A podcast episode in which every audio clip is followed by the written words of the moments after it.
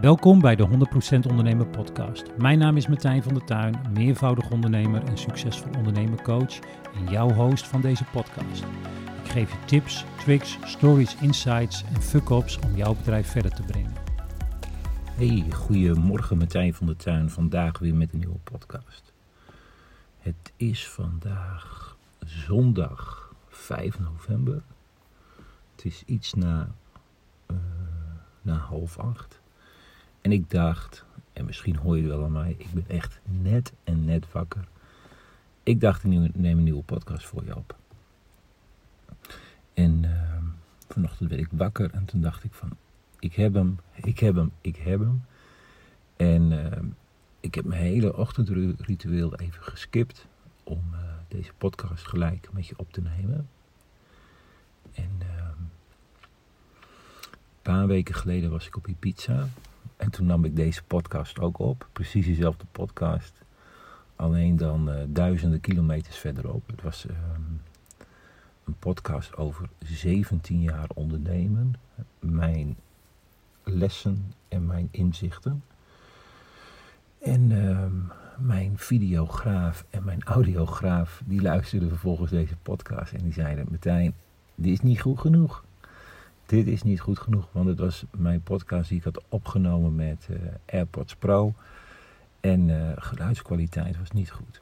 Dus uh, stel je eventjes voor, 16 oktober 2023, het plaatsje San Carlos op een parkeerplaats in de auto. Terwijl mijn vriendin bij een, uh, laat ik het zo zeggen, een spiritueel chiropractor is, neem ik een podcast op. In de zon, in de auto. Uh, maar dan nu vier weken later, laat ik het zo maar. Ah, vier weken. Het is vandaag 5 november. Drie weken later. In ieder geval, ik dacht vanochtend ehm, hij was niet goed, we gaan het gewoon overnieuw doen. En uh, nou ja, dan zit dat in mij en dan, uh, dan moet het eruit. Dus ik heb mijn ochtendritueel heb ik overgeslagen en ik zit nou in de auto op zondagochtend. Want ook op Ibiza waar we waren, daar heb ik een aantal podcasts zonder AirPods Pro opgenomen in de auto. Omdat uh, dat de beste geluidskwaliteit was qua omgeving. Maar dat zou, je nog wel, uh, dat zou je nog horen in de andere podcast die je misschien na deze podcast gaat luisteren. In ieder geval, ik zal er een aantal uh, gaan uploaden. Alleen dit was eigenlijk de kick-off van een serie podcast die ik op Ibiza heb opgenomen. Zo,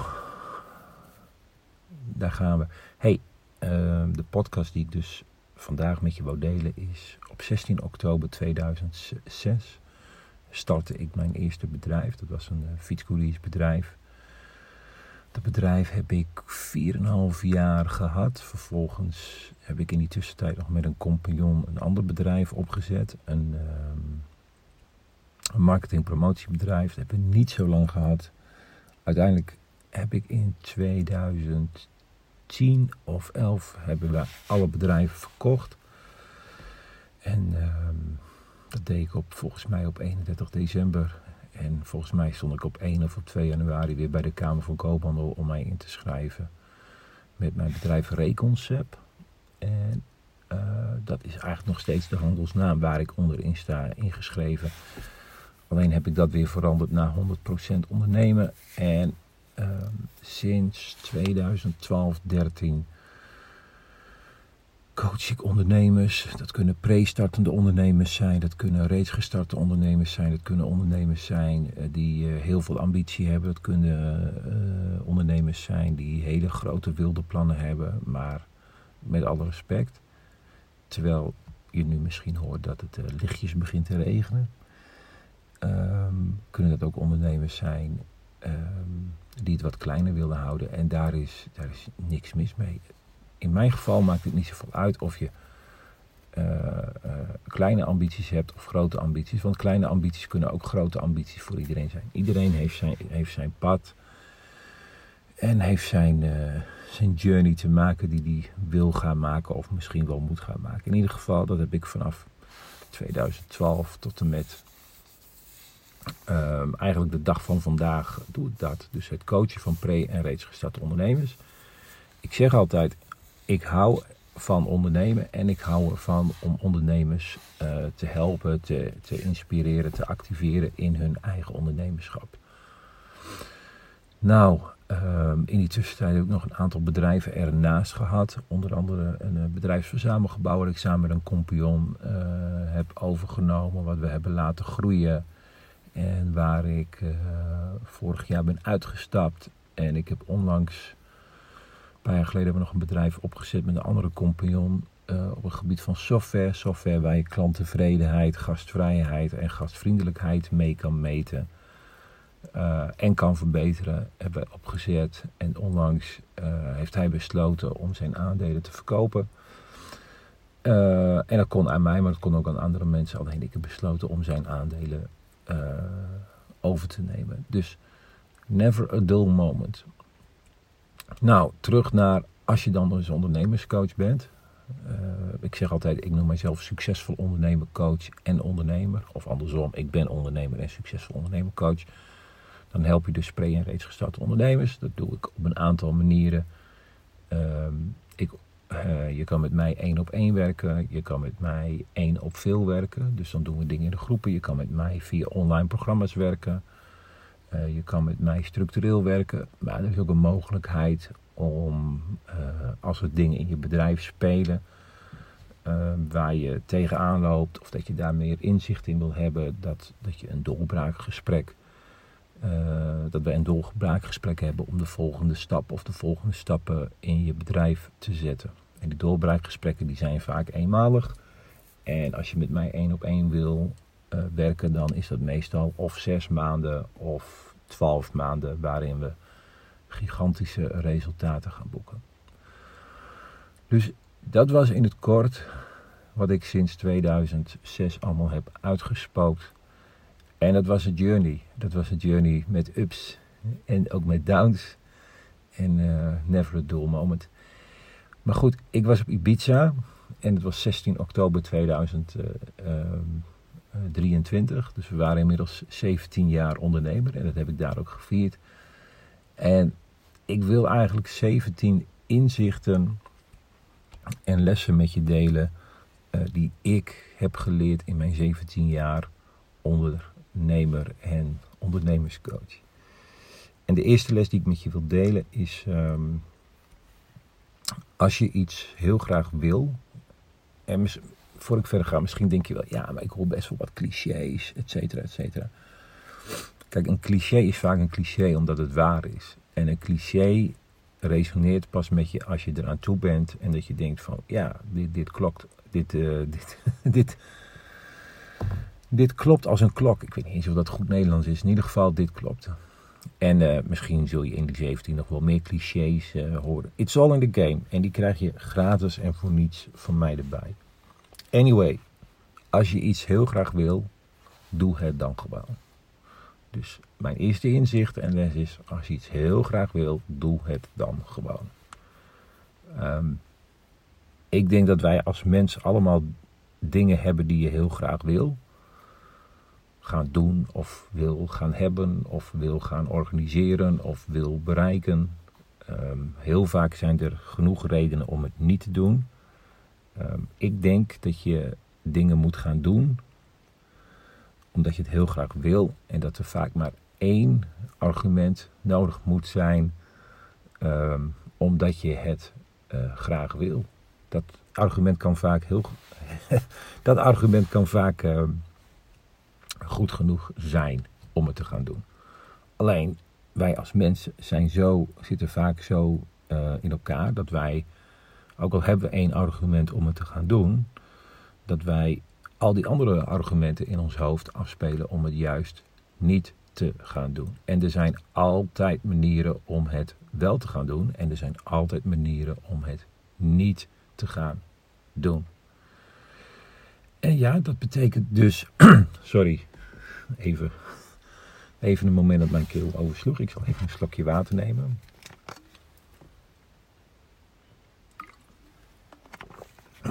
Oh, wat kan water toch lekker zijn in de vroege ochtend. Maar er zijn dus altijd redenen om dingen wel te doen. En er zijn altijd heel veel redenen om dingen ehm, niet te doen. En ik denk dat het belangrijk is dat je die ene reden hebt om het wel te gaan doen. En dat je die vasthoudt. En dat kan dus best zijn omdat je iets graag wil. En ik wou heel graag de beste fietscourier van Groningen zijn. En dan hebben we het over heel veel kilometers op een dag fietsen. Op een hele snelle fiets. In een hele sportieve kleding. In een heel afgetraind lichaam. Dat leek me fantastisch. En dat was in 2006 mijn primaire goal toen ik startte als ondernemer. Ik kwam er na een paar maanden wel achter dat ik nog een veel grotere bevrediging kreeg uit mijn ondernemerschap. Maar dat was mijn primaire goal. Ik wou dat gewoon heel graag. En er waren heel veel redenen om het niet te doen. Uh, Martijn, je kan ook een baan in loondienst nemen. Martijn, je zet hier wel mee je toekomst op het spel. Martijn, je hebt privé, heb je geld. Wil je dit nu echt gaan aanbreken om een eigen bedrijf te starten? En het was allemaal yes, yes, yes. Dat wou ik. Ik wou het laten zien. Ik wou laten zien dat ik het kon. En voornamelijk naar mezelf. En ik vond ook dat ik niet kon falen, omdat het een journey was die ik gewoon graag wou aangaan. En journeys gaan altijd met ups en downs. Dus als je dingen hebt waar je dan nu ook staat in ondernemerschap, dat je denkt, hé, hey, ik wil het graag, maar er zijn heel veel redenen om het niet te doen. Probeer dan toch vast te houden aan die reden om het wel te gaan doen.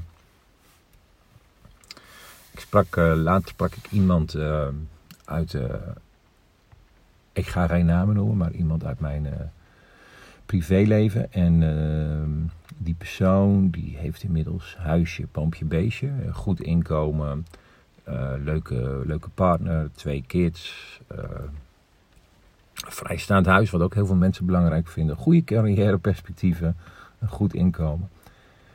En wij stonden, wij stonden op een boot uh, en op zondag mag je in Groningen, want dat is waar ik woon, mag je niet met een grote boot varen. Dit was een zeilschip, alleen voor ons was een uitzondering gemaakt omdat wij... Uh, nou, we hadden dat aangevraagd en misschien deel ik daar nog wel een keertje een podcast over. Uh, want het ging ook over ondernemerschap en over andere dingen. In ieder geval, uh, wij brachten iemand weg op zijn laatste reis, laat ik het zo maar zeggen. En ik praatte met iemand en die zei van, uh, ik zou ook wel vrijheid willen in mijn werk. De hele dag een beetje buiten, de hele dag een beetje de, uh, de dingen doen die ik nu ook doe. Maar ja, ik ben al 42. Toen zei ik van, maar je kan nu toch, ja, ik ben ook gewoon best wel een naïeve, naïeve man. Zeg ik, maar dat kan je nu toch ook al doen? Ja, zei die, maar ik zit ook vast ik zit ook vast aan huisje, boompje, beestje. Nou, ik heb inmiddels wel geleerd dat het dan niet helpt om. Uh, weet je, ik laat het dan ook bij van je zou het nu ook kunnen doen. Ehm, en ik hoor dit veel vaker. En vaak hoef je maar één vonk te hebben van ik wil meer vrijheid om dat te gaan doen. Alleen wij als mens zijn zo geprogrammeerd, we doen het niet. En ik zou de persoon wel willen wakker schudden. Ik zou de persoon wel aan zijn lurven en kladden willen meenemen. Ik zou de persoon zoveel opties kunnen laten zien hoe die het zou gaan kunnen organiseren. Alleen de mensen of de persoon moet er wel klaar voor zijn. Dus daar moet je ook naartoe groeien. Dus uh, dat wou ik ook even met je delen. Dat dat ook, nou ja, ook zo dichtbij is en um, dat iedereen zijn eigen journey heeft te gaan.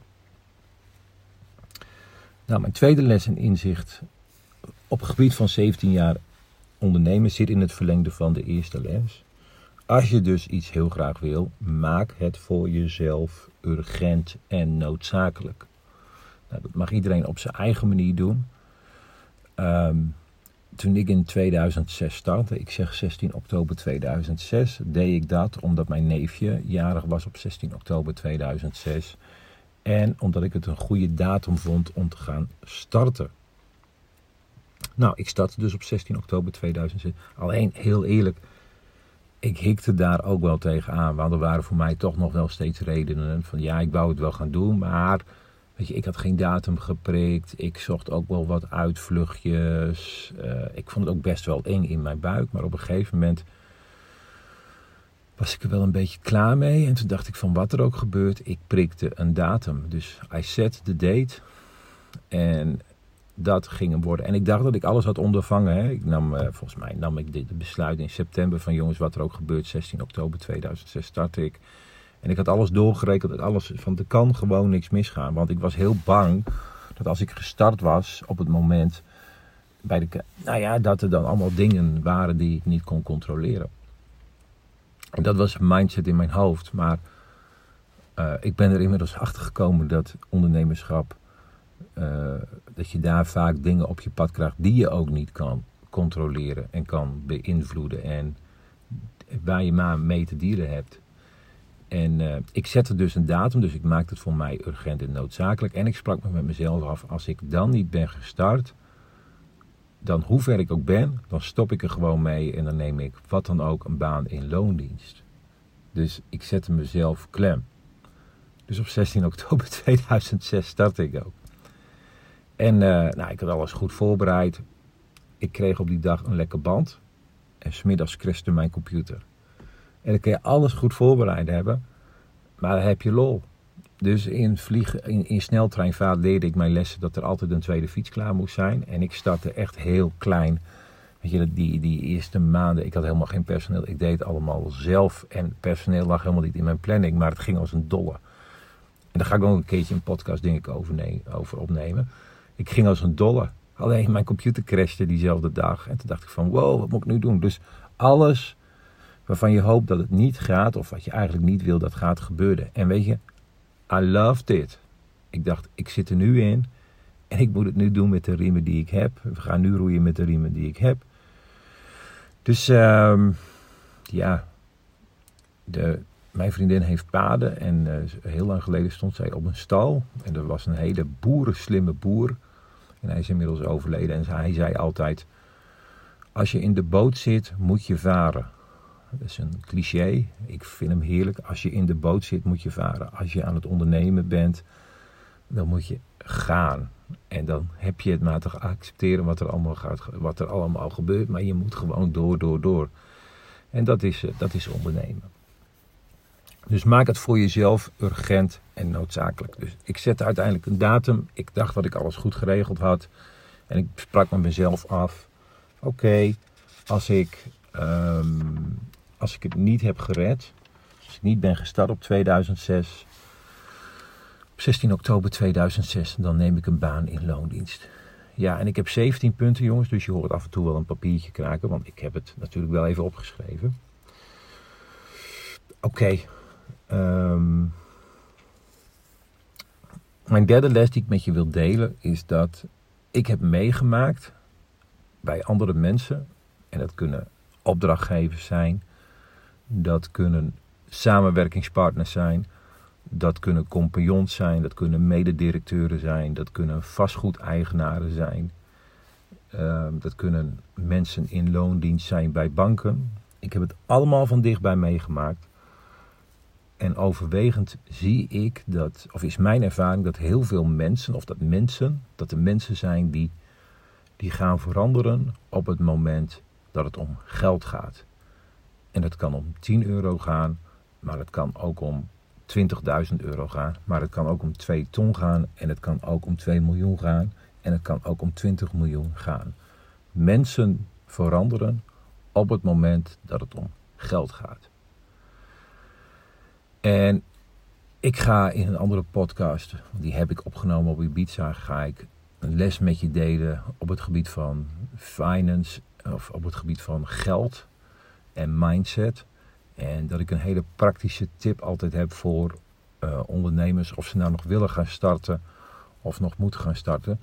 Wat een enorme impact geld heeft en hoe je daar op een bepaalde manier mee om kan gaan, zodat het nooit een probleem voor je gaat worden qua mindset, maar ook qua uh, ja, praktische uitvoering, laat ik het zo maar zeggen. Maar ik heb de gekste dingen meegemaakt van dichtbij met uh, deze mensen, laat ik het zo maar zeggen, omdat geld heel veel met mensen doet. En ik hoor ook wel regelmatig dat mensen zeggen: ja, maar ik vind geld niet zo belangrijk. En ik hoef er niet rijk van te worden. En dat kan, hè? Dat mag iedereen voor zichzelf uh, natuurlijk zeggen. Alleen ik denk dat geld heel bepalend is. ik denk dat geld, sorry, ik denk dat geld alles voor je kan veranderen. En het kan heel weinig geld zijn, kan alles voor je veranderen. Maar heel veel geld kan ook alles voor je veranderen. Um, en daar ga ik ook nog een keertje podcast over opnemen. Dus heel veel geld kan alles voor je veranderen, maar ook heel weinig geld kan alles voor je veranderen. Alleen dit wordt door heel veel mensen onderschat. Zeker als je heel veel geld hebt, dat dat alles voor je kan veranderen. Nou, um, ik ben nu in Groningen. Wij waren dus op vakantie op Ibiza toen ik deze podcast opnam. Maar die was dus niet goed genoeg. Vond mijn audiograaf en mijn videograaf. Maar heel simpel. Stel je bent multimiljonair en dat ben ik niet. Ehm, dan kan je dus ook op Ibiza wonen. Dat kan nu ook hoor. Maar stel je bent multimiljonair. Onze buurman is bijvoorbeeld, als je bij ons de straat uitloopt waar wij zaten. En dan volgens mij het vierde huis aan de linkerkant. Is de eigenaar van Circus du Soleil. Die heeft daar een gigantisch complex heeft hij gekocht. Heeft hij een huis laten zetten of meerdere huizen. Dat komt omdat hij geld heeft, heel veel geld. En daarom koopt hij, of kan hij zich dat permitteren. Ehm, dus dat de, de plek waar je woont kan, uh, omdat je veel geld hebt, veel aangenamer zijn. En kan ook een luxe plek zijn. En daarin is alles veel maakbaarder als je geen geld hebt of heel weinig geld. Dus je kan dan vaak makkelijker bepalen waar je woont. En ook op welke manier je woont. Want dat kan je allemaal realiseren. Um, nou, heel plat gezegd. Uh, misschien hoef je nooit weer te koken.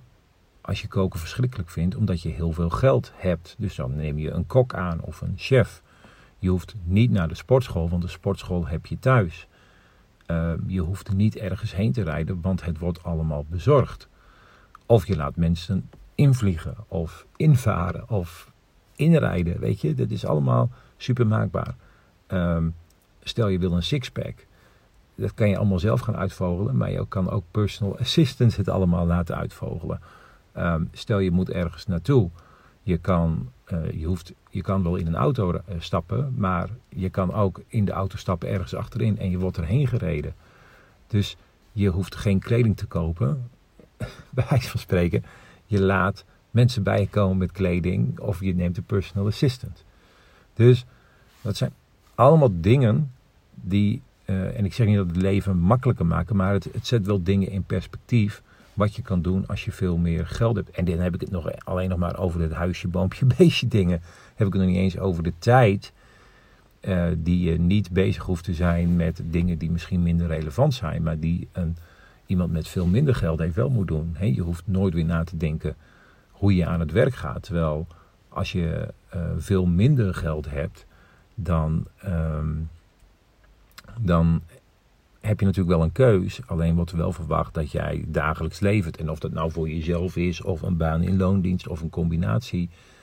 Alles verandert, kan veranderen als je heel veel geld hebt.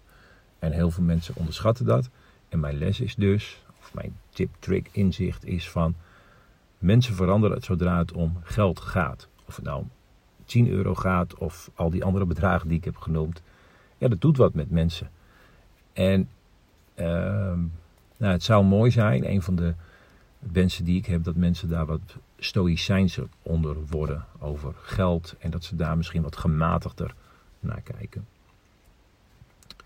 Oké, mijn vierde tip is um, op het moment, en kijk, dit is een podcast voor ondernemers en voor ondernemende mensen. Maar wat je ook doet in je leven, op het gebied van ondernemerschap, ook met andere dingen. Speel het spel fair. Ehm, en wat bedoel ik daarmee? Weet je, we hebben allemaal een spiegel thuis. En ik denk dat het goed is dat we daar allemaal regelmatig in kijken. En we hebben natuurlijk allemaal situaties waarin je de keuze hebt. Hoe je reageert, hoe je het doet. Maar speel het spel fair, speel het spel eerlijk en speel het spel transparant. En we hebben allemaal situaties, ik merk dat ik mezelf herhaal, dus het is een goed punt. Uh, waarvan je denkt van oké, hoe wil ik me hierin opstellen? Hoe wil ik hier mee omgaan? Hoe wil ik me hierin gedragen?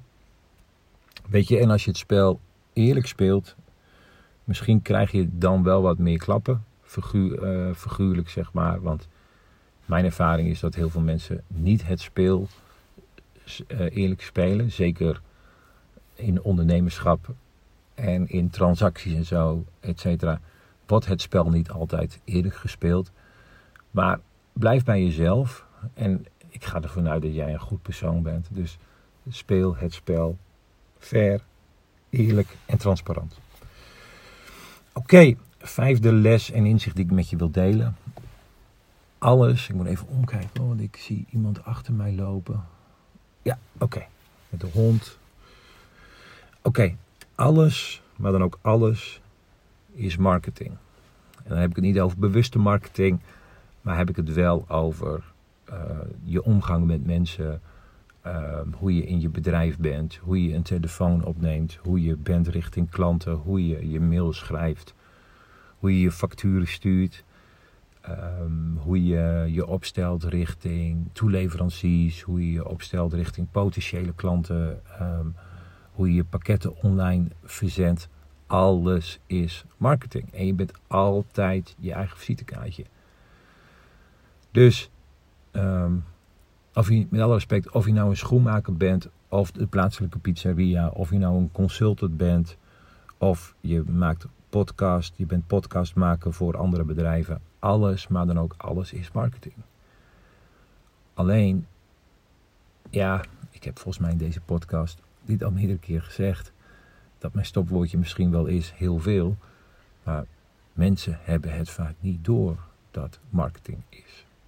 Dat, dat heel veel dingen marketing is. Uh, en dat je heel veel dingen kan bereiken door met mensen het persoonlijk contact aan te gaan op een vriendelijke uh, manier. En als je je vriendelijk opstelt, krijg je vaak veel meer gedaan dan als je je minder vriendelijk opstelt. Dat is allemaal marketing. En daar hoef je helemaal niet zo super bewust mee bezig te gaan. Begin gewoon van hoe wil ik zelf behandeld worden. Maar heel veel dingen zitten, kun je allemaal terugleiden op marketing, marketing, marketing. Dus dat is ook wel, als je verder wil in je ondernemerschap, goed om je daar op te richten. Niet 100%, maar je daar wel in ieder geval bewust van te zijn dat alles marketing is. Oké, volgende tip. NNW. Never not working. Dus never not working, nooit niet werken. Um, nou, ik heb werk, werkweken gehad van 20 uur, niet als ondernemer. Ja, als ik misschien op vakantie ben. Maar op het moment dat ik ben gestart als ondernemer in 2006, ik denk dat ik structureel meer dan 60 uur per week werk. En ik weet eigenlijk wel zeker dat ik structureel meer dan 80 uur werk. En ik weet niet of dat goed is of of dat fout is. Ik vind het in ieder geval een blessing dat ik mijn passie heb gevonden. En ik denk dat een mens meerdere passies heeft. En die passies van mij zijn onder andere uh, dat ik het ondernemen helemaal wauw vind. Um, dat ik um, het helpen, het coachen van ondernemers super wauw vind. En dat ik dat ook graag wil delen met mensen. Dus deze podcast die ik nu opneem, uh, inmiddels is het uh, iets naar achter. En is de regen weer wat afgenomen, vind ik super leuk om te doen. En ook daar ga ik nog wel een podcast over opnemen van hoe je, uh, en die heb ik eigenlijk al opgenomen, tipje van de sluier, hoe je kan uh, voorverheugen op werkzaamheden waardoor ze nog een stuk makkelijker gaan. Ja, voorverheugen is volgens mij het woord wat ik ook in de podcast heb gebruikt.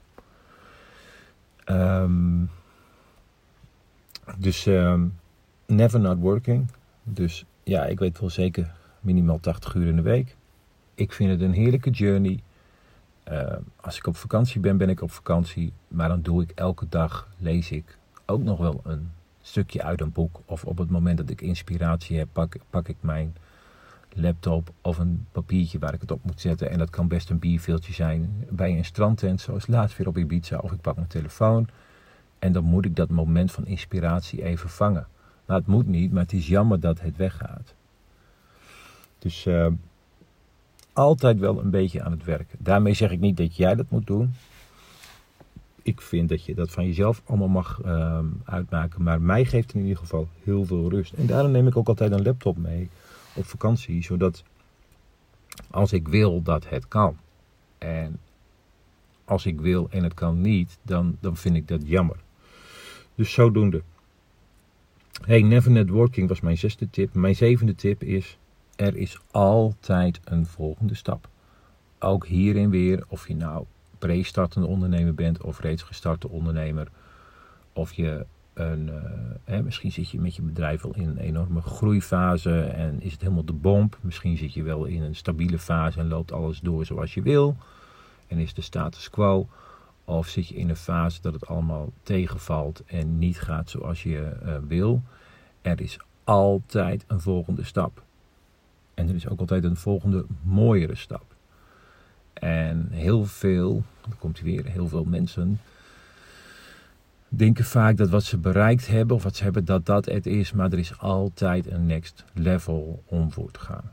Heb je, weet ik veel, 5000 mensen op je mailinglijst. Er is altijd een next step om van die 5 naar 50 te gaan. Als je dat zou willen. Maar je kan ook van 5 naar 7500.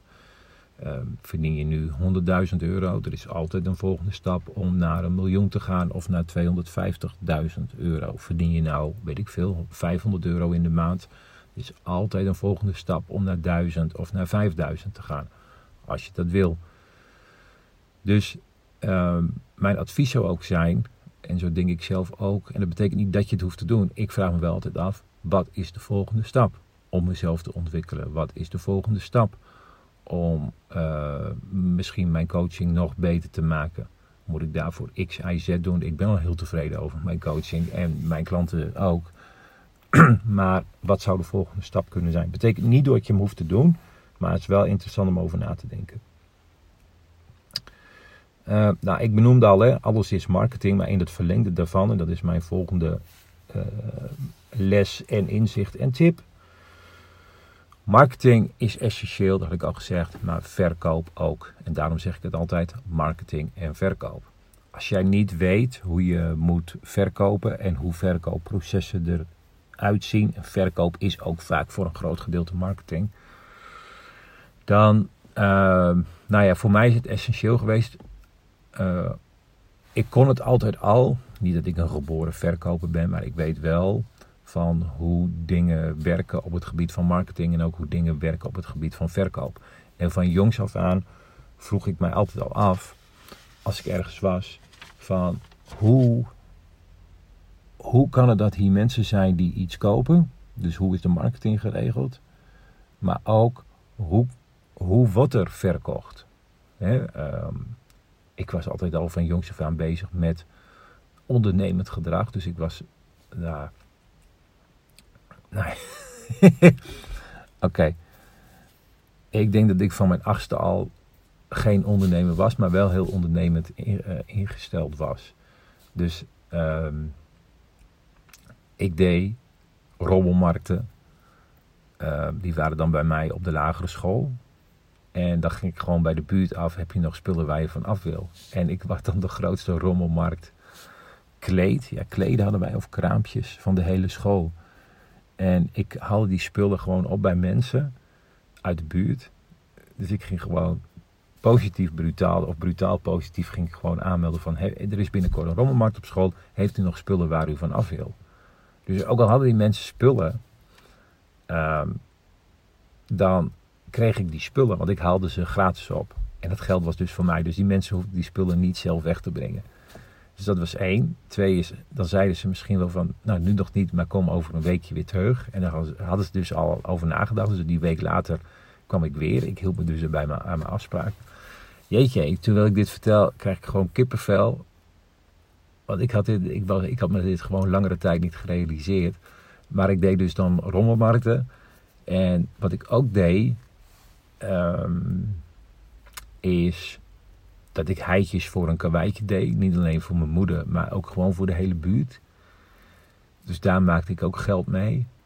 En uh, die had bij ons ook, uh, ja, dan moest je rozenbottels plukken voor, volgens mij voor Roos Visé. Dat was ook een jaarlijks iets.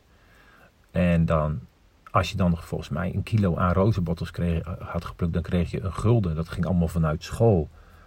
En dan had ik gewoon 20 kilo rozenbottels. En dan had ik 20 gulden. Moet je nagaan hoe oud ik ben terwijl ik het heb over gulden. Maar ik was ook de koekverkoper.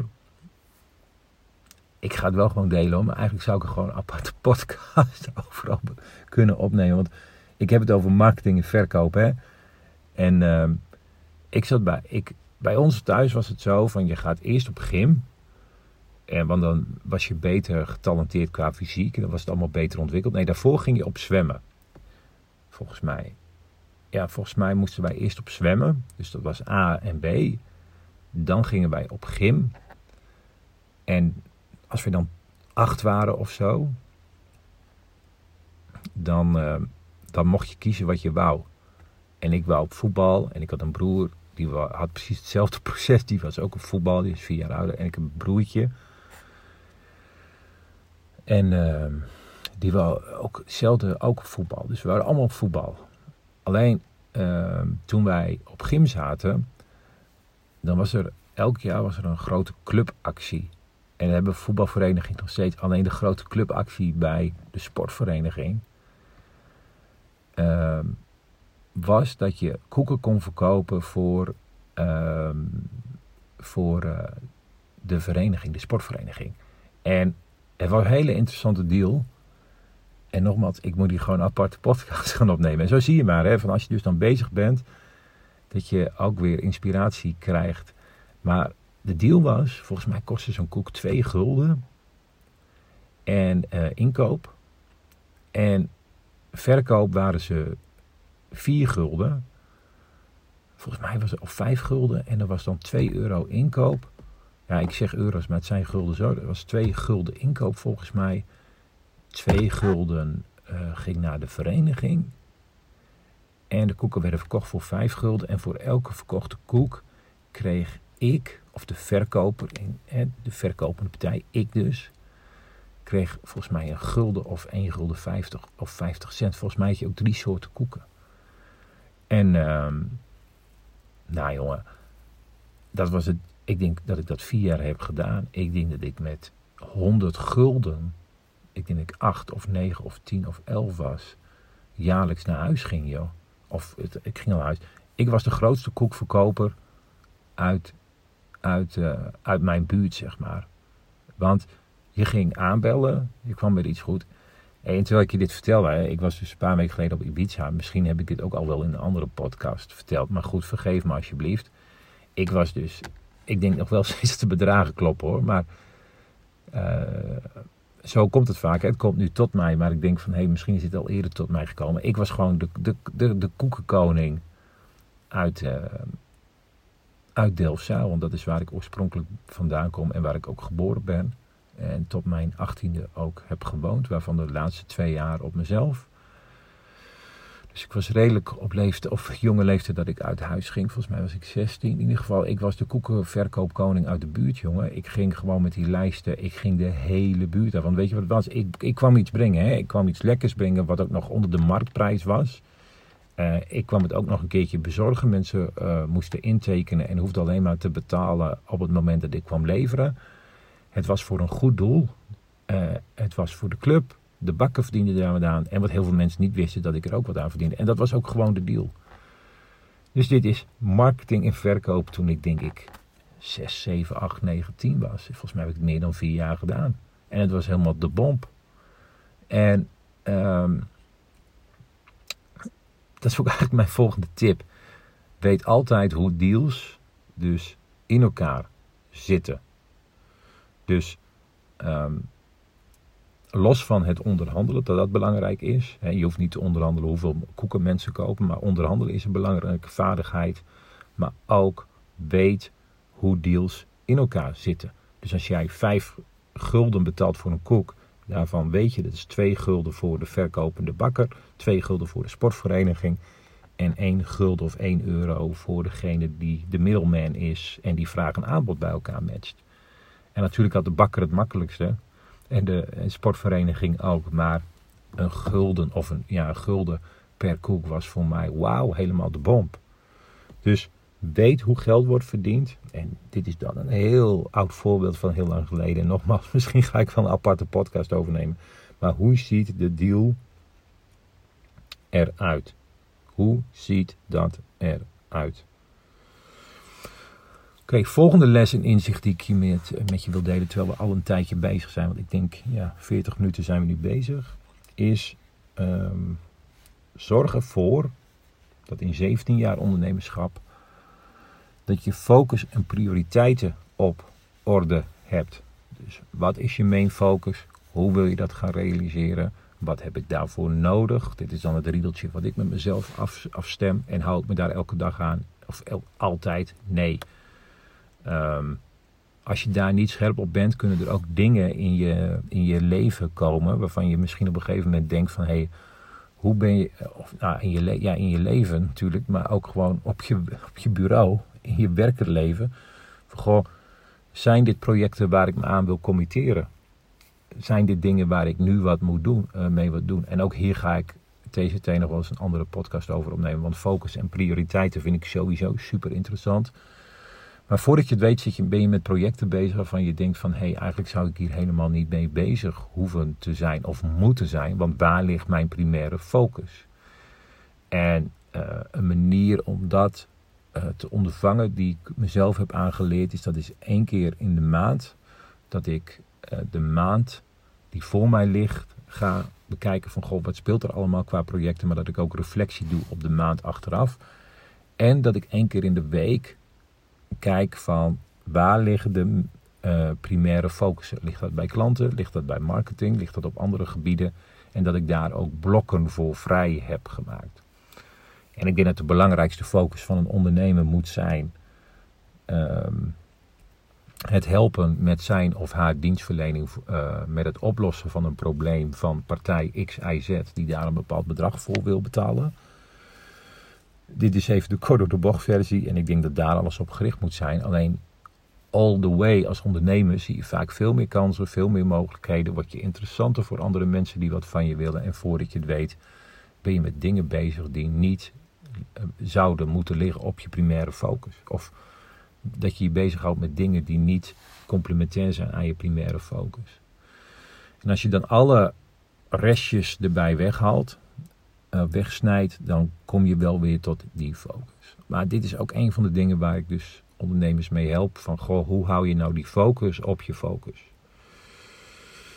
Dus focus en prioriteiten stellen. Mijn elfde tip is, of mijn elfde les is, uh, zoek een goede coach, uh, mentor, adviseur, die je verder kan helpen met je ondernemerschap. En ik heb hier op Ibiza nog een aparte podcast over opgenomen, over waar je naar moet kijken, wat eigenschappen zijn, hoe je een goede coach, adviseur kan winnen. Volgens mij heb ik een aantal kenmerken uh, tips en tricks daarover gedeeld. Want ik denk dat er te veel uh, coaches zijn en ook adviseurs en consultants die dat eigenlijk helemaal niet zouden moeten zijn. Omdat zij uh, niet ervaring hebben waar het daadwerkelijk om gaat en dat wel pretenderen te zijn. Dus ik zou zeggen, luister die aflevering uh, met heel veel plezier en met heel veel aandacht als je op zoek bent naar een goede business coach of een andere coach of een consultant of iets anders. In ieder geval, het zit in de hoek van de dienstverlening en mijn visie daarop. Maar zoek een goede coach, trainer, adviseur. En toen ik in 2006 startte, was dat er allemaal niet. Sterker nog, ik liep ook vast op een gegeven moment in mijn bedrijf. En ik heb zelf gezorgd dat ik mezelf weer los kon trekken. En daar heb ik, laat ik het zo zeggen, ondernemen was toen ook niet hot. En er waren ook niet veel coaches, adviseurs en trainers. Waar ik al snel uitkwam was de Kamer van Koophandel die mij dingen ging, wou gaan uitleggen. Maar daar zelf helemaal geen ervaring mee had. En ik denk dat het essentieel is als je een goede coach, adviseur, trainer, etc. zoekt. ehm, dat die persoon ook walk the talk heeft gedaan. Dat hij weet waar je over hebt, die dat zelf ook heeft meegemaakt. Maar goed, ehm, mijn advies is, hoe groot je nu ook bent met je bedrijf, of hoe klein ook, je weet niet wat je niet weet. En mijn ervaring is in de, nou, ik ben 2013 volgens mij gestart als coach. Ik heb zoveel ondernemers mogen helpen. Ik heb zoveel uh, coachingsgesprekken gevoerd. Heel veel mensen, weer stopwoordje, weten vaak niet wat er, wat er allemaal nog meer kan. En daar kan je dus als ondernemerscoach kan je daar mensen mee helpen. Van goh, weet dat dit kan. Of weet waar jij nu tegenaan loopt. Dat je dat op die manier kan gaan organiseren. Of ja, dan zit ik misschien wat meer in de adviseursrol. Maar er is veel meer mogelijk. Maar als je dat niet weet, dan blijf je in hetzelfde rondje rondlopen. En krijg je ook elke keer hetzelfde resultaat. Oké, de twaalfde tip die ik met je wil delen. Is uh, de manager versus de maker. Dus de manager tegenover de maker. En uh, weet je, ik lees ook boeken, net zoals jij waarschijnlijk. Ik luister ook podcasts, net zoals jij waarschijnlijk op dit moment. Um, ik heb ook kennis die voorbij komt, of waarvan ik zorg dat het bij mij komt, wat ik één keer in de zoveel tijd tot mij neem. Dus dit is ook niet een theorie van mijzelf. Het is onder andere een theorie die groot is geworden door Timothy Ferris. Um, een van de podcasts die ik altijd wel luister. En ook zijn boeken die ik lees. En die mij enorm heeft geïnspireerd in mijn ondernemersjourney. Sterker nog, hij, heeft ervoor, hij persoonlijk heeft ervoor gezorgd dat ik in 2010 of 11 gewoon alles heb verkocht. En ook daar ga ik nog eens een keertje een podcast over opnemen. Maar ik kwam op het punt dat ik dacht, dit is het niet meer voor Tijntje. En Tijntje moet gaan proberen om het naar zijn hand te kunnen zetten. Dat gaan we eerst proberen met de bedrijven die hij heeft. En als dat niet wil, dan gaan we de andere dingen doen. En dat resulteerde dus er uiteindelijk in dat ik besloot om mijn bedrijf te verkopen. En ehm, ja, dat is eigenlijk gewoon de schuld van Timothy Ferris. Van een werkweek van vier uur. Maar hij heeft ook andere boeken geschreven. In ieder geval, zijn theorie, het is niet zijn theorie, maar is groot geworden door hem, is dat jij als ehm, ondernemer ik ga ervan uit dat elke ondernemer creatief is.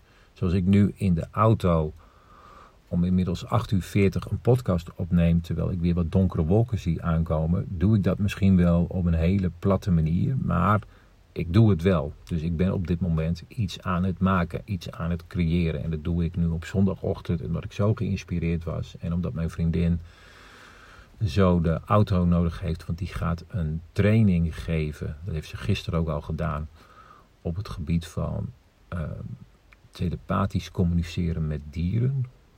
Ehm, en misschien denk je nou wel, kan dat? Ja, mensen, dat kan. Dat is een wereld aan zich. En mijn vriendin die doet dat nou een paar jaar.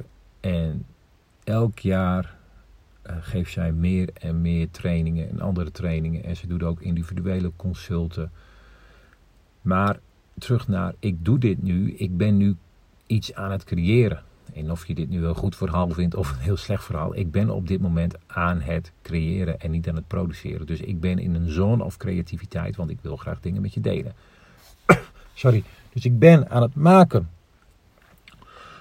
Sorry. Ik ben dus aan het maken. Dus ik ben creatief.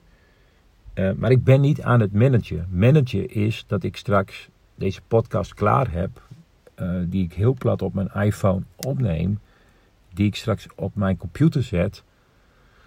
Dan ben ik ook nog aan het maken. En vervolgens moet ik iemand, uh, moet iets van mij horen vandaag of morgen of overmorgen. En die moet het dan ook gaan maken. En dan ben ik aan het managen. En zijn theorie is dat je als ondernemer, elke ondernemer is creatief. Ik ben er ook van overtuigd dat elke ondernemer ook meer voelt dan iemand anders. Uh, maar als jij ochtends begint met het managen van dingen en niet met het maken, althans bij mij werkt het zo, dan loopt het allemaal door elkaar heen. Dus elke ondernemer die creatief is en elke ondernemer die creatief is, en zeker als jij kennisdelen bent en marketing super tof vindt, dan heb jij bepaalde dingen in uh, jouw werk waarin je de maker bent. En je hebt dingen die je moet managen. Dus als ondernemer heb je twee verschillende rollen: de maker en de manager. De manager versus de maker. Dus wissel die rollen ook per dag af. Dus als je ochtends heel creatief bent, doe dan je creatieve dingen en zet de knop om. Als je ook wil dat de creatieve dingen naar buiten gaan op een bepaalde manier en dat je dat ook wil gaan meten en dat je ook wil dat het bij de juiste partijen komt, ga dan manager zijn. Heel plat gezegd. Stel je maakt treinen, dat maak je niet, maar dit is, komt mooi uit met het managerverhaal. Ochtends maak je de trein. Smiddags, hè, dus je maakt de trein, je, maakt de, je, je, verft de trein, je, je, je zorgt dat de trein kan rijden. Eh, je weet wie er ook in die trein zitten. En smiddags ben je de manager en zorg je dat de trein op tijd vertrekt. Met de juiste mensen, met de juiste bagage, op het juiste moment vertrekt zonder vertraging ergens aankomt, uh, ook weet wie er nog steeds meegaan. En uiteindelijk zorgt dat de trein ergens is uh, aangekomen en dat de mensen daar ook in of uh, uitstappen. Dat is dus je managersrol. Dus zorgen dat de dingen gedaan worden die je hebt voorgenomen op zo'n bepaalde manier die jou past. Alleen die dingen kunnen vaak de creatieve dingen zijn die je s ochtends hebt gedaan. Dus dan ben je aan het maken, smiddags ben je aan het managen. Dat is ook een beetje hoe ik het heb georganiseerd. En ik heb dan drie grote projecten, waarvan 100% ondernemen er eentje is. Uh, daar zitten ook managerstaken in, maar er zitten ook makerstaken in. Op dit moment ben ik dingen aan het maken. En als ik het vervolgens aan iemand anders moet geven, moet ik uiteindelijk gaan controleren van klopt het ook of laten controleren dat het ook gebeurd is. Dus dat heb ik moeten leren. Een van mijn grootste inzichten in 17 jaar ondernemerschap. En kijk dan ook, of mijn advies zou zijn, hoe zit dit bij jou? Oké, mijn dertiende les en inzicht en inzicht in les is: wat is je tussen haakjes, eind, haakjes sluiten, doel? Laten we het gewoon even houden bij einddoel. Je hebt een bedrijf. Hoe groot wil je worden? Wat is de maximale grootte dat je wil gaan worden? Hoeveel uren wil je gaan werken? Wat is het bedrag wil je, wil je, gaan, uh, wil gaan verdienen? Wil je wel personeel? Wil je geen personeel? Stel de doelen. En een einddoel hoef je nog helemaal niet te stellen. Alleen ik ken ook ondernemers die zeggen: ik wil naar een miljard toe. Of ik wil naar 100 miljoen toe. Of ik wil naar 100.000 euro toe. Uh, kan allemaal. Alleen stel dat doel wel. Als je het lastig vindt om dat doel te stellen, mwah, ga dan eens werken met kwartaaldoelen. Als je dat lastig vindt, ga eens werken met een maanddoel. Maar uiteindelijk gaat ondernemen om zorgen dat je een probleem of een verlangen van X, Y, Z oplost of vervult tegen een bepaalde prijs, zodat jij ook daar goed van kan leven. En eventueel met of zonder personeel, zodat zij er ook goed van kunnen leven. Dus wat is je einddoel? Volgende tip. En ik weet niet of je nu pen en papier bij de hand hebt. Als dat wel zo is, schrijf dan het woordje hou op. Dus H-O-W, hoe. Zet daar een streepje tussen. En leg je pen even neer of je papier. Als je geen pen en papier uh, bij je hebt, onthoud dan het woord how. Dus hoe ga je dingen doen op zijn Engels? Heel veel mensen zitten in hoe, hoe, hoe, hoe, hoe. Hoe ga ik dingen doen? Heb ik ook jarenlang in gezeten. En toen kwam er iets voorbij van iemand die mij inspireerde. En die zei: Als je nu de how, dus H-O-W, verandert in de woorden, of eigenlijk dat je de letters andersom neerzet. H-O-W, dat je daarvan maakt hoe, dus W-H-O. Dus niet meer hoe gaan we dat doen? Nee, dat je zegt wie gaat dat doen. Heel concreet, je plakt er een naam op. Dus als jij wilt zitten met je e-mail marketing, of je zit met je social media, of je zit met je administratie, moet de vraag op een gegeven moment niet meer zijn hoe gaan we dat doen, maar de vraag moet zijn wie gaat dit doen. Nou, op Ibiza heb ik bijvoorbeeld een podcast opgenomen, hoe kom je aan goede stagiaires? Want ik werk heel veel samen met stagiaires. Uh, deze podcast, die spreek ik nu in. Ik weet precies wat het allemaal moet gaan gebeuren. Uh, ik heb het ook zelf uitgevogeld, maar ik heb het ook laten uitvogelen. Deze podcast bewerk ik zelf niet. Die gaat naar een audiograaf of een videograaf en die plaatst vervolgens de podcast. Dus de vraag moet niet meer zijn: ehm, hoe gaan we het doen? Nee, de vraag is: wie gaat het doen? In dit geval de persoon die ik daarvoor heb gevraagd, schuine streep voor heb ingehuurd, schuine streep misschien wel stage bij me loopt. Dus hoe ga je dat dan organiseren? Is niet meer de vraag, maar wie gaat het organiseren? Ik heb het georganiseerd, maar hij of zij gaat het vervolgens voor uh, de vervolgstappen zetten. Dus waar je ook zit in je bedrijf, jongen, ik heb het zelf zo vaak meegemaakt. Draai de letters om en dan wordt alles makkelijker. Oké, de vijftiende tip die ik met je deel is. Uh, komt hier weer. Heel veel mensen vinden vaak. En je kan er niet zoveel mee, hè? heel veel mensen vinden vaak. Oké, ondernemen, ja, dat is best wel een risico wat je neemt. En ja, ik krijg een melding op mijn horloge. Even bijpakken hoor. Oké, het is een melding dat ik echt moet gaan stoppen. Want mijn, mijn Garmin geeft aan dat het tijd is om actief te zijn. Waarschijnlijk, mijn telefoon ligt op de dashboard. Heeft hij het idee dat ik te lang stil zit. Maar wij zijn nu 55 minuten bezig. En uh, we zijn, ja. Ik heb nog drie tips. In ieder geval, de vijftiende tip die ik met je wil delen is ondernemen is best wel risico nemen, zeggen mensen vaak. En vind je dat dan niet eng? En ehm, hoe ga je daar dan mee om? Nou, ik weet, ik vond ondernemen toen ik natuurlijk net begon. Ik vond het best wel spannend. En spannend is wat anders dan eng. Uh, en op het moment dat ik dus daadwerkelijk was gestart, hè, ik vertelde al dat ik ook al wat tijd nodig had om daar naartoe te groeien. En toen had ik me ingeschreven en toen begon ik uiteindelijk op 16 oktober 2006. Uh, eh, was het eng? Nee, het was spannend. Zat er risico in? Ja, er zat risico in. Maar wat je op een gegeven moment, wat ik in ieder geval heb geleerd, is met alle dingen die ik net met je heb gedeeld, dus de marketing en uh, verkoop, weten hoe deals in elkaar zitten, weten hoe je moet onderhandelen weten prioriteiten en focus. Weten dat er altijd een next level is. Weten dat mensen kunnen veranderen zodra, of kunnen gaan veranderen zodra er geld in het spel is. Um, um, kijk voor jezelf als je start met wat voor project dan ook. Kan ook in loondienst zijn. Hè? Jij bent, hè, als jij nu geen ondernemer bent, jij bent wel ondernemend en nieuwsgierig ingesteld. Anders luister je deze podcast niet. Dus je bent al anders dan anderen, laat ik het zo maar zeggen. Ehm, kijk voor jezelf, wat is het risico? Is het risico dat het mij tijd kost? Is het risico dat het mij geld kost? Is het risico dat het mij afbreuken doet aan X, Y, Z? Wat is het risico? En wat kan ik doen?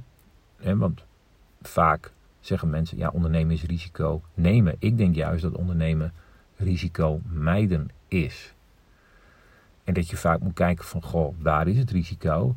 En hoe kan ik dat risico zo beperkt mogelijk maken? Een voorbeeld daarvan is bijvoorbeeld Richard Branson. En hij heeft een aantal hele goede boeken geschreven, laat ik zeggen laten schrijven. En een daarvan is dat hij op een gegeven moment Virgin Air opricht. En Virgin Air uh, was de concurrent van British Airways. Dat was de eerste commerciële concurrent van British Airways. En uh, nou, ik kan zo niet de naam bedenken van het boek, maar het is het boek, moet je maar eens opzoeken, van dat hij op de, voor, op de, op de kaf staat en dan houdt hij dat boek vast. En daar is een foto van gemaakt dat hij dat, dat, hij dat boek, wat jij dan koopt of wat je ziet, al gelijk vast heeft. Dus hij staat daar met een koffer. Dus dat is een heel grappig voorkant is dat. Alleen de naam kan ik me niet herinneren. En ik heb het boek, volgens mij kan je het ook niet meer nieuw kopen. Ik heb het ooit tweedehands gekocht. En toen was, ben ik het kwijtgeraakt en ik heb het onlangs weer in, de vakantie eh, gelezen. Ik heb het gekocht via Marktplaats. Een uitvinding, hè? Marktplaats. In ieder geval, uh, hij, de concurrent van British Airways, volgens mij was British Airways, start hij, Virgin, uh, Virgin Air. Hij verdiende zoveel geld dat hij dus met winsten uit onder andere zijn muziekbusiness, want hij had onder andere de Rolling Stones gecontracteerd. Hij had winst en dat zette hij, elke keer zette hij daar weer andere business op. Dus daarom heeft Richard Branson inmiddels ook 500 bedrijven. Dus Dus de winst zet hij altijd weer in andere dingen om. Volgens mij heeft hij ook Virgin, treinen, uh, openbaar vervoer in Engeland. Dus dat deed hij allemaal uit winst, winst, winst, winst, winst. Lang verhaal kort. Vanuit de winst van de muziek kon hij uh, niet vliegtuigen kopen. Hij huurde ze, hij leasde ze. En hij maakte zo'n deal volgens mij met Boeing... dat als hij na een maand weer zou stoppen... dat het hem alleen het leasebedrag kostte... en dat hij verder helemaal niks hoefde. Kijk, hij had ook een Boeing kunnen kopen. Maar hij koos ervoor om een Boeing te gaan huren, schuine streep. Ja, ik denk dat het huren was. Of short termijn, op een hele korte termijn leasen. Het personeel wat hij had, nam hij gewoon aan vanuit winsten die hij had. En die gaf hij bijvoorbeeld gewoon een contract voor een half jaar. Dus hij wist ook wat, het, wat deze grap, dit initiatief, het maximaal hem zou kosten. Dus hij wist waar zijn risico's lagen. En goede ondernemers die kijken daar dus naar. Waar liggen mijn risico's en hoe kan ik mijn risico's optimaal indekken? Nou, en daar kan ik nog wel veel meer verhalen over vertellen, ook met vastgoed en hoe je dat, hoe ik weet hoe mensen zich dat, hoe organisaties dat dus allemaal doen om hun risico in te dekken. Je kan deals maken, ook al gaan die deals voor de andere partij niet goed, dat je er zelf altijd wel goed uitkomt. En ik zeg niet dat dat de deals zijn die je moet maken, maar uh, ja, je kan deals maken waarbij je er zelf altijd goed uitkomt. De vraag is alleen dan maar, wil je de deal maken en gaan andere partijen ook akkoord met die deals? Dus uh, kijk naar waar het risico ligt en zorg ervoor dat je het risico zoveel mogelijk kan downschalen. Um, als je tijd genoeg hebt, maar geld te weinig, heel plat gezegd, kan je beter risico's nemen met je tijd. Investeer dan uh, met tijd in projecten, maar investeer in de basis in je bedrijf om te zorgen dat daar meer geld wordt verdiend. Dus ga bijvoorbeeld sleutelen aan marketing en verkoopvaardigheden. Of start een nieuw project waarin je vaardigheden veel meer tot uiting komen, waar je uh, geld mee verdient en waar misschien ook wel veel meer je passie ligt. En vaak om iets te bewerkstelligen heb je twee dingen nodig: tijd en energie. Heb je genoeg geld? Nee, sorry, ik zeg het verkeerd. Ja, tijd is energie hè? en geld is ook energie. Om uh, dingen van de grond te krijgen heb je twee dingen nodig: uh, tijd en of geld. Heb je genoeg geld, maar te weinig tijd, kan je X, Y, Z inhuren. Heb je te weinig geld, maar genoeg tijd, kan je er zelf tijd insteken. Dat, zonder deze twee dingen, of zonder een van deze dingen, wordt het gewoon allemaal heel erg lastig. Dus zorg ervoor dat je tijd hebt en zorg ervoor dat je geld hebt. Dit is echt een cliché, maar dit is how it works. Oké. Um, mijn um, zestiende tip is: um, wees positief brutaal. Ja, ik weet niet. Ja, wees positief brutaal. Ik moet het even laten resoneren hoor. Um, in de dingen die je wilt. En wat bedoel ik daarmee? Als jij heel iets graag wilt, dan mag je best op een positieve manier brutaal zijn. Um, en de eerste vraag is dan, wanneer weet je of je iets heel graag wil? Nou, ik denk dat je dat vaak wel voelt in je lijf. Qua excitement, maar ook wel qua verlangen, maar ook wel qua geluk dat je iets wil. En als je iets graag wil, wees dan gewoon positief brutaal. Hoe raar dat dan misschien ook klinkt. Uh, want jij wil het. En ik zei zo net al, van, uh, of aan het begin van deze podcast, van uh, er hoeft maar één reden te zijn om dingen wel te doen. Ja, prima. Maar wees positief brutaal als je iets wil. Stel je ziet iets en je wil iets, doe het dan gewoon op een positief brutale manier. Niet op een brutale manier, op een positieve brutale manier. Ja, en ik zit even te denken terwijl ik je dit vertel, kan, kan ik daar een voorbeeld uh, van geven? Uh, nee, niet zo 1, 2, 3, want. Uh, nou ja, oké. Ik heb meerdere projecten waar ik mijn aandacht op vestig. En één daarvan, daar word ik regelmatig geconfronteerd met beveiliging. En uh, ik ga niet alle ins en outs vertellen. Maar uh, ik wil heel graag een keertje met een beveiliger, met, in dit project met een beveiliger op stap. Dus dat hij zijn laatste ronde doet. Door die en die ronde duurde anderhalf uur. Ik vind dat fantastisch. En ik heb het dus inmiddels ook geregeld. Alleen, hij had die vraag nog nooit gehad. Weet je? En ehm, dat is positief brutaal. Ander ding is dat ik ook wel, als ik dingen wil, ehm, dat ik dat dan gewoon doe op een positieve en brutale manier. Ik had een keertje een klacht en die had ik al meerdere keren gedropt bij bol.com. En op een gegeven moment heb ik gewoon s ochtends om 8 uur weer bol.com gebeld. En heb ik gewoon gevraagd naar de directeur. En ik had zijn naam gegoogeld. En vijf minuten later hing ik uh, aan de telefoon met de directeur. Ik vind het dan ook wel een sport. En zo heb ik ook wel meer. Ik heb ook wel bekende Nederlanders aan de telefoon gehad. Uh, toen ik veel jonger was. Maar wees positief, brutaal. En kijk uh, hoe, hoe je. Nou ja. Als je iets gewoon graag wil, wees positief, brutaal. Wees sowieso positief. Wees ook brutaal, maar zorg altijd wel dat het positief brutaal is. Alright, mijn laatste tip die ik met je wil um, delen is.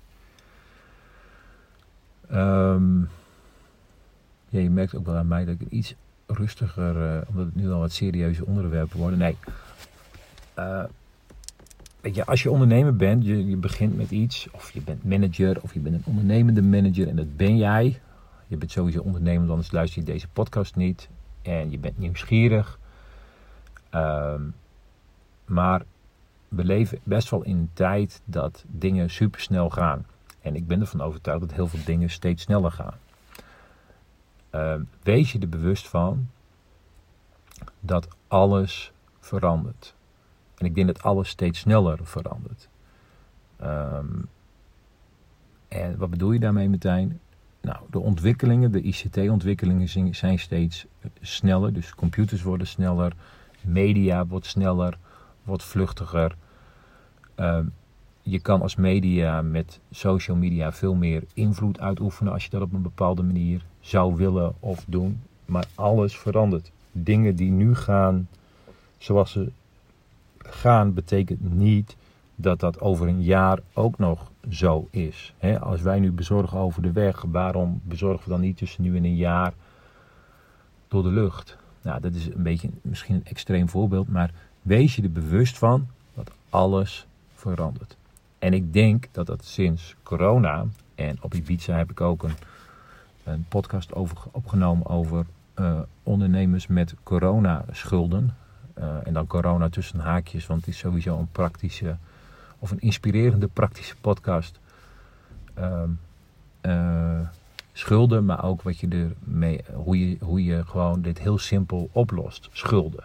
En hoe je het ook kan, uh, kan hoe je het ook jarenlang met je mee kan torsen. Maar er zijn hele simpele manieren om zorgen dat die schulden je niet meer dwars zitten. Ja, dwars zitten, dwars liggen. Maar in ieder geval, um, alles verandert steeds sneller. En het is aan jou als mens, maar ook als ondernemer, hoe je daarop inspeelt. Je hebt tegenwoordig AI, wat heel veel taken van je kan overnemen. Je hebt dingen die veel sneller worden geautomatiseerd dan je ooit voor, uh, voor mogelijk hebt gehouden. Vertel ik dit terwijl er een auto achter mij parkeert. Dus het gaat steeds sneller, steeds sneller, steeds sneller. Dus het betekent ook dat de dingen die je nu doet in je bedrijf, dat je moet nadenken van goh, hoe zou dit nou over zoveel maanden gaan of over zoveel jaren. En uh, dat heeft invloed op jou als kleine of als reeds gestarte of als uh, hele grote ondernemer. Al die veranderingen of al, al die dingen veranderen. En wat interessant is, je hebt een, uh, en misschien ga ik daar ook nog een keertje een podcast over opnemen. Je hebt uh, de D-step methode, dat komt uit de marketingwereld. En D-step is een afkorting van demografisch. Ik doe het uit mijn hoofd, jongens. Hè? Demografisch, economisch, sociaal, technologisch, ecologisch. En volgens mij is die P politiek. Dat zijn allemaal pijlers om te kijken van, oké, als dit gebeurt, wat voor invloed heeft dan? Stel de politiek uh, uh, zegt morgen, je kan nog wel ondernemer zijn, maar dan moet je 100.000 euro startkapitaal hebben. Dat zullen ze nooit doen, maar vroeger was het wel zo dat je volgens mij 18.000 gulden of 18.000 euro moest hebben om het starten van een BV. Dat heeft dan impact op jouw bedrijf. Ja, stel je ehm, bent boer en ecologisch heeft het misschien invloed dat je stikstofuitstoot hebt. Dus het zijn allemaal dingen die buiten je organisatie liggen, maar wel heel veel impact kunnen hebben op jouw onderneming. En technologisch is bijvoorbeeld de opkomst van het internet. Nou, internet bestaat al een tijdje, maar het gaat steeds sneller, sneller, sneller, sneller, sneller. Uh, het wordt steeds slimmer, slimmer, slimmer, slimmer, slimmer. Hè? Met AE en noem ze allemaal op. Dus denk er op een rustig moment over na dat alles verandert. In een van mijn eerste bedrijven reden wij elke vrijdag bakken vol met actes van notarissen naar andere notarissen. Het ging allemaal per papier. Nou, de Belastingdienst was al jarenlang bezig om dat te gaan digitaliseren. En het was een van onze grootste takken binnen ons best verdienende takken binnen mijn fietscouriersbedrijf. Dus op een gegeven moment kon ik daar ook genoeg personeel op zetten. Maar ik wist, dit gaat op een gegeven moment veranderen als die eh, ICT helemaal klaar is. En dat veranderde dus ook. Dus ik moest daarop handelen, handelen, handelen. Uh, ander voorbeeld is, ik had de Rabobank met alle vestigingen uit Groningen, het waren een stuk of negen, als klant. Maar die bank ging steeds meer digitaliseren. Dus dat betekende dat wij die ritten, dat die steeds minder werden. En als die minder werden, gaan mensen ook kijken van, goh, is dit nog echt wel nodig? Want de volume neemt af. Ja, ander voorbeeld is corona. Nou, ik ben betrokken bij een heel groot logistiek project. Door corona nam logistiek online ah, gigantisch toe. En waar ik bij betrokken ben, is dat zij voor corona, laten we zeggen, uh, misschien eens 3000 pakketten op een dag deden. En ze doen er nu 10.000 op een dag. En na corona is het echt niet minder geworden. Dus het zijn allemaal ontwikkelingen um, uit die pijlers die ik net heb genoemd. Dus de D-step methode. Uh, waar je, en hoef je niet dagelijks mee bezig te zijn, maar wel waarvan het slim is om bijvoorbeeld één keer per kwartaal of één keer per maand eens in alle rust over na te denken van goh, welke ontwikkelingen zie ik hier en kan ik daar wat mee? Ik zie bijvoorbeeld nu ook heel veel mensen, hè, dat is denk ik ondernemers eigen, je ziet nu die, die AI zie je als een dollar gaan. Nou, er zijn coaches die dat nu als speerpunt gebruiken, ondernemen met AI of je bedrijf slimmer laten maken met AI. Dus het is, liggen kansen, liggen ook bedreigingen, maar ik denk dat het goed is dat je weet dat alles vroeg of laat verandert. En dat was ondernemer vaak dat heel graag willen vasthouden, omdat het altijd zo ging. Maar jongens, alles is eindig. Nou, tot zover mijn, uh, mijn 17 inzichten en lessen op het gebied van 17 jaar ondernemerschap. Ik kan me best voorstellen dat je dacht, nou Martijn, dat was best wel een, uh, een, lange zit in de auto, maar ik heb het met alle liefde gedaan hoor. Wij zijn nu, uh, even kijken, bijna 75 minuten, nee 72 minuten onderweg.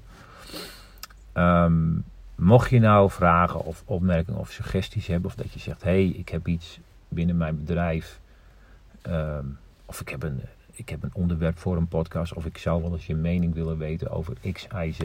Stuur me dan even een mailtje naar martijn.100% ondernemen. En dan mag je de 100 gewoon 100 doen en procent ondernemen gewoon volledig uitschrijven. Dus martijn.100%ondernemen.nl Dan uh, ga ik uh, daar wellicht een podcast over opnemen. En als ik er geen podcast over ga opnemen, dan ga ik je sowieso wel even contacten. Want misschien zijn het wel dingen die iets te precair zijn voor de podcast. Misschien ook niet. You never know. Anyway, ik... Uh, ga er voor vandaag in ieder geval voor deze podcast een punt achter zetten. Uh, ik wil je heel hartelijk bedanken, waar je dan nu ook bent. En wanneer je dit dan ook luistert. Um, zoals ik zei, het is vandaag zondag 5 november. En uh, deze podcast had ik al eerder opgenomen op 16 oktober 2023 in het prachtige Ibiza waar de zon scheen. En uh, het was mooi om te doen vandaag. Ik wens je een hele fijne zondag. En uh, maak er een mooie dag van. Give it all your best. We all love it. En um, ik spreek je later. Adios. Bye bye. Ciao. Tot zover de 100% Ondernemer podcast. Ik hoop dat deze podcast je nieuwe inzichten heeft gegeven. Je kan de 100% Ondernemer podcast volgen op Spotify en Apple Podcast of waar je nu ook al deze podcast aan het luisteren bent. Wil je op de hoogte blijven? Volg mij dan op je favoriete podcast app. Online kun je me ook volgen op Instagram, Martijn van der Tuin of 100% ondernemen. Laat een review achter op Instagram of bij je favoriete podcast app. Wil jij als eerste mijn tips ontvangen en toegang tot exclusieve content? Schrijf dan in voor mijn succesvol ondernemen tips via www.100%ondernemen.nl. Dankjewel voor het luisteren en tot een volgende keer.